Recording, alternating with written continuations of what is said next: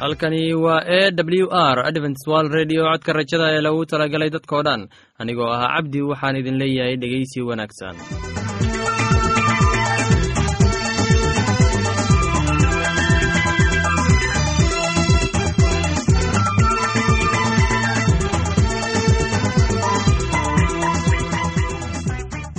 barnaamijyadeena maanta waa laba qaybood. Qaybta kuwaad waxaad ku maqli doontaan barnaamijka nolosha qoyska. Kadib waxaa inoo raaci doonaa cashar inaga yimid bugga nolosha. Dhegeystayaasheenna qiimaha iyo qadarinta mudano waxaan filayaa inaad si habboon u dhegeysan doontaan. Haddaba haddii aad qabto wax su'aal ama talo iyo tusaale oo ku saabsan barnaamijyadeena maanta fadlan inala soo xiriir. Dib ayaynu kaga sheegi doonaa ciwaanka yagu balse intaynan u guuda gelin barnaamijyadeena xiisaa leh. Waxaad marka hore ku soo dhowaataan. Heestan daabacsan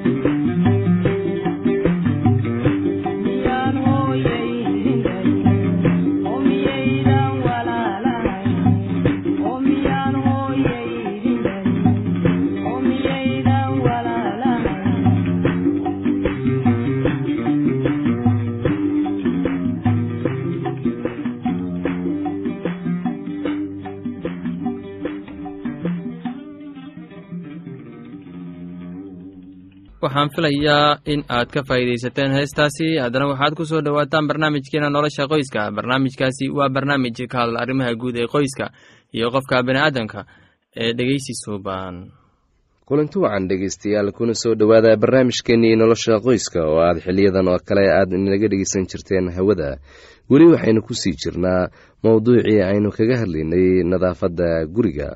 Anigoo ah cabdi waxaan idin leeyahay dhegeysi wacan haddaba waxaa jirtay haweeney shamse la yidhaahdo oo mar walba ahayd mid caraysan oo si joogto ah reerka ugu qaylin jirtay. Gurigu wuxuu ahaa mid isku dhex yaacsan oo jaakadda ama dharka iyo joornaalada ay kuraasta saaran yihiin. Buwaagta iyo waxyaabaha kalena kulli ay miiska wada saaran yihiin. Alaabta carruurta ku ciyaartana ay meel walba yaalaan waxay dareentay in shay walba uu ahaado mid nidaamsan laakiin durba waxay ogaatay in gurigu yahay habsimida iyo nolosha farxadda qoyska. Maalin walba aynu nadaafad ku bilowna annagoo maalin walba guriga nadiifinayna nadiifinta guriga ee habeenkii waa mid dhaqan fiican ah inta aan la seexan ka hor laakiin nadiifinta aroortii ayaa ka sii fiican gaar ahaan marka la quraacdo kadib. Marka hore waa hagaajinta kushiinka aroortii inta aysan maalinimada bilaaban ama aysan dadka idisoo booqan. Waxaa loo baahan yahay mar walba mar kastoo hurdada laga soo tooso in marka hore la hagaajiyo sariiraha oo la goglo kadib waxaa loo baahan yahay in qololka jiifka la soo nadiifiyo.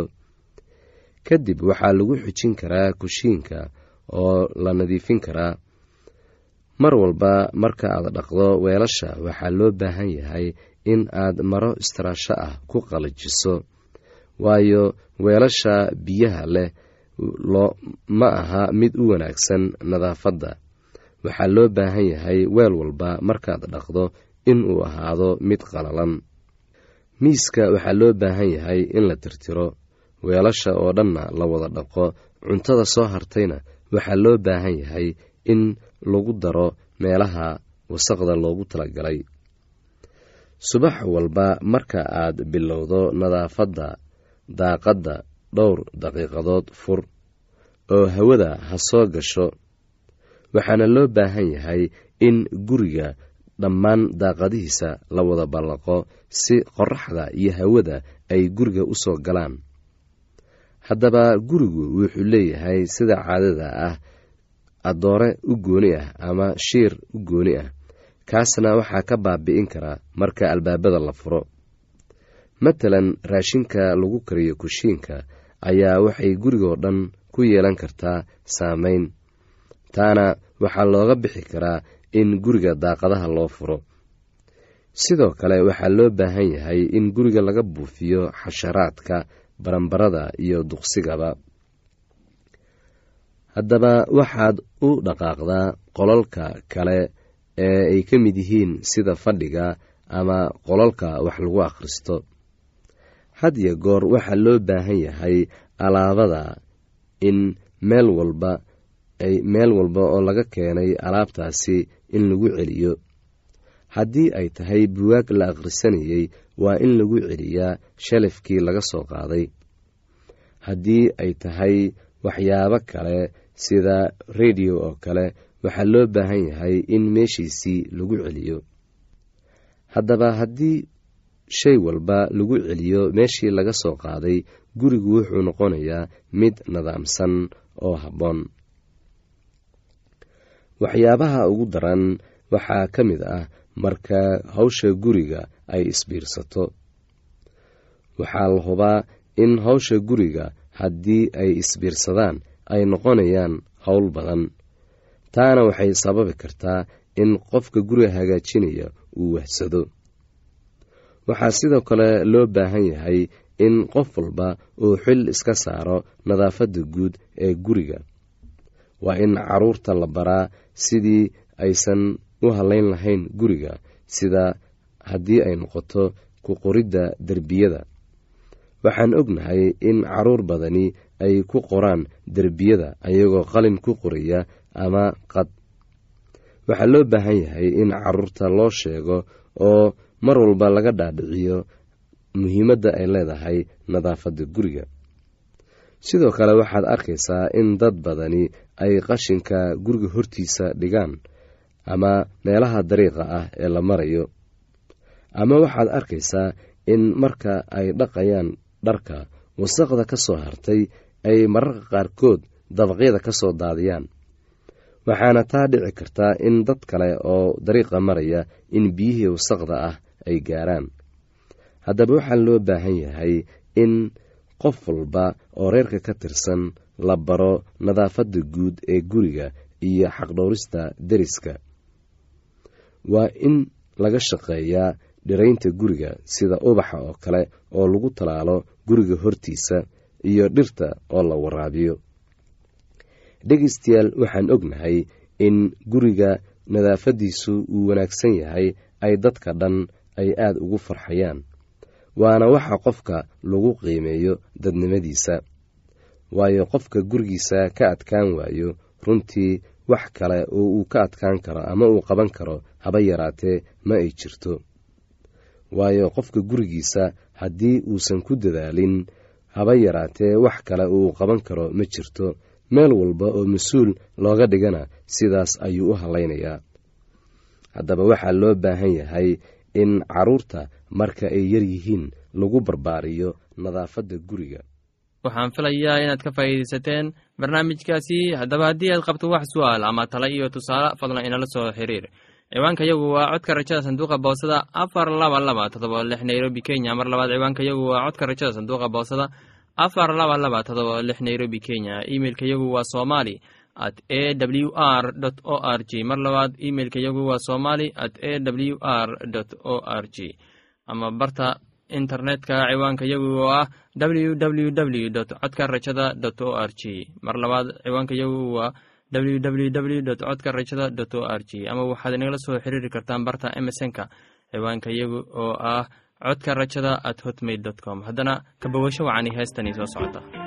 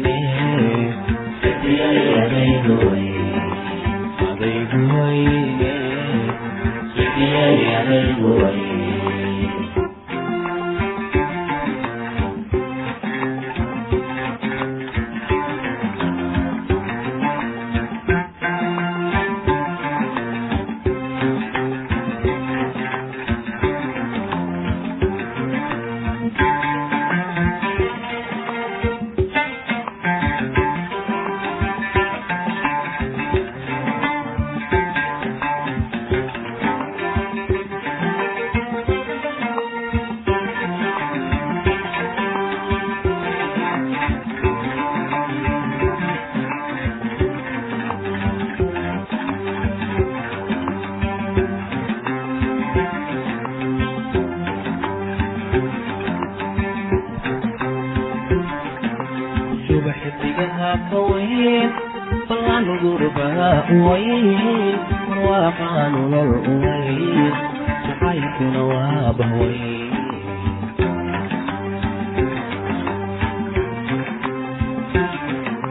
subax xidigaha ka wayn ballan gurbaha uwayn barwaaqa nolol uwayn jacaylkuna waa bahwayn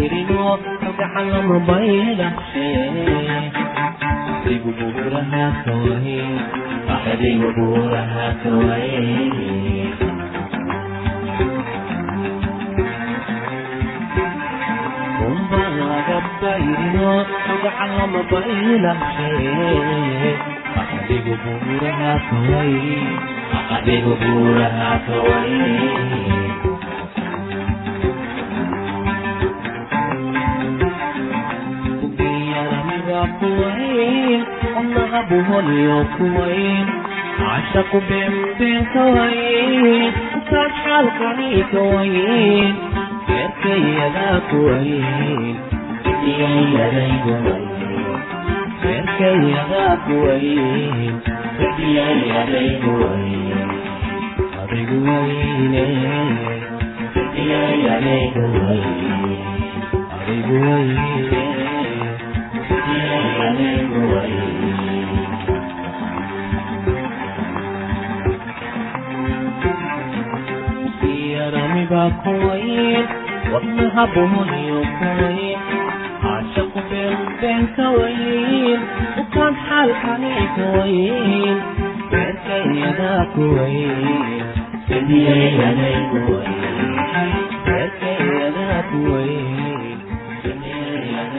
waxaan filayaa inaad ku raaxaysateen heestaasi. Haddana waxaad ku soo dhowaataan barnaamijkeenna inaga yimid bugga nolosha. Barnaamijkaasi waa barnaamij xikmad badan ee ka bogasho wacan. Abrahamna masar wuu ka baxay isaga iyo naagtiisii iyo wixii uu haystay oo dhan.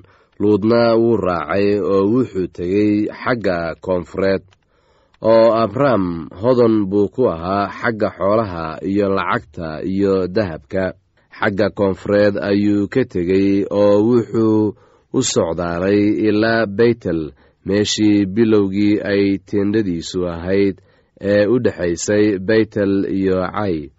Ilaa meeshii allabariga oo uu horaantiisii halkaas ka sameeyey oo meeshaasuu abraham magaca rabbiga kaga baryootamay oo luud oo isna abraham la socday wuxuu lahaa ari iyo lo iyo teendhooyin.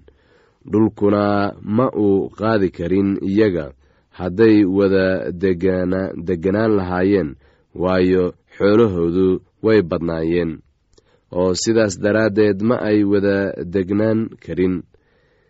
Dibir baana ku dhex jiray xoola jirada ibraahim iyo xoolo jiradii luud markaasna reer kancaan iyo reer feris dhulkaasay degganaayeen oo abraham wuxuu luud ku yidhi waxaan kaa baryayaa inaad diriru inagu dhex dhicin aniga iyo adiga iyo xoolo jirahayga iyo xoolo jirahaaga. Maxaa yeelay waxaynu nahay walaalo. Dhulka oo dhammu sow kama horeeyo waxaan kaa baryayaa inaad iga guurtid. Haddaad bidixda tagto midigtan tegayaa. Haddaad midigta tagtana bidixdan tegayaa. Kolkaasuu luud indhihiisii kor u taagay oo wuxuu arkay bannaankii webi urdun oo dhan iyo inay meel walbu aad u waraabsan tahay intaan rabbigu baabi'in sodom iyo gomorra. Wuxuu u eekaa beertii ilaah iyo sida dalka masar markaad tagto xagga socar. Markaasuu luud wuxuu doortay bannaankii urdun oo dhan oo luud xagga bari buu u socdaalay oo way kala guureen. Amramna wuxuu degay dalkii kancaan luudna wuxuu degay magaalooyinkii bannaanka ku yiil oo teendhadiisii wuxuu u wareejiyey xagga sodom haddaba dadkii sodom shar miiran bay ahaayeen.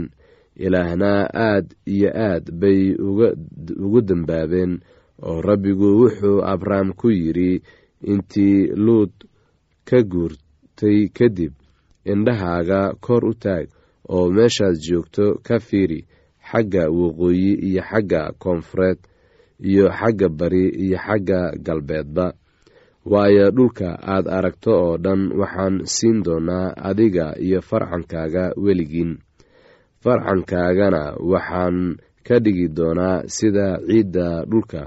Haddii nin ciidda dhulka tirin karo farcankaaga waa la tirin doonaa. Balkac oo ku dhex soco dhulka dherarkiisa iyo ballaarkiisa waayo adigan ku siin doonaa oo abraham teendhadiisii wuu wareejiyey oo wuxuu yimid oo degay dhirtii mamre ee ku tiil xebroon oo halkaasuu rabbiga meel alabari uga dhisay. Oo waxaa dhacday waagii amrafel boqorka u ahaa shincaar aryoka boqor u ahaa elasar keder lacomer boqor u ahaa ceelam tidcaadna boqor u ahaa goyim inay la dirireen berac oo boqor u ahaa sodom iyo birshac oo boqor u ahaa gomora iyo shinaab oo boqor u ahaa admah iyo shemeber oo boqor u ahaa sebooyin iyo boqorkii belac oo iyana ahayd socor. Kuwanu waxay kulligood isugu yimaadeen dooxo sidim oo iyana ahayd baddii cusbada. Labada iyo toban sannadood bay koder comer u degganaayeen markaasay sannaddii saddex iyo tobnaad ku caasiyoobeen. Sannaddii afar iyo tobnaadna waxay yimaadeen koder lacomer iyo boqoradii la jiray oo waxay reer rafa'iim ku dileen cashterod qaryinim oo reer susima waxay ku dileen ham iyo reer eymina waxay ku dileen shaaweh kiryatim reer xorna waxay ku dileen buurtodii sicir iyo ilaa aflayram oo u dhoweyd cidlada oo way soo noqdeen oo waxay yimaadeen cayn mishraaf oo iyana ahayd kaadesh oo waxay dileen dadkii dalkii reer cameelah oo dhan waxaa kale oo ay dileen reer omer oo degganaa hasham tamar. Heestaasi iyo casharka buugga nolosha ayaanu ku soo gabgabayneynaa barnaamijyadeena maanta. Halkaad inaga dhegeysanaysaan waa laanta afka soomaaliga ee codka rajada ee loogu talagelay dadka oo dhan. Haddaba haddii aad doonayso inaad wax ka faa'iidaysataan barnaamijyadeena sida barnaamijka caafimaadka barnaamijka nolosha qoyska iyo barnaamijka kitaabka quduuska fadlan inala soo xiriir. Ciwaanka yagu waa codka rajada sanduuqa boosada afar laba laba todoba lix nairobi kenya. Mar labaad ciwaanka yagu waa codka rajada sanduuqa boosada afar laba laba todoba lix nairobi kenya. Imeilka yagu waa somali at a w r o r g. Mar labaad imeilka yagu waa somali at a w r o r g. Ama emesonka oo ah codka rajada at hotmail dot com. Mar labaad emesonka yagu waa codka rajada at hotmail dot com. Ama barta internetka ayaad ka akhrisan kartaan barnaamijyadeena iyo sida w w w dot codka rajada dot o g dhegeystayaasheena qiimaha iyo qadarinta mudan oo barnaamijyadeena maanta waa naga intaas. Tan iyo intaynu hawada dib ugu kulmayno waxaan idin leeyahay sidaas iyo ammaano allah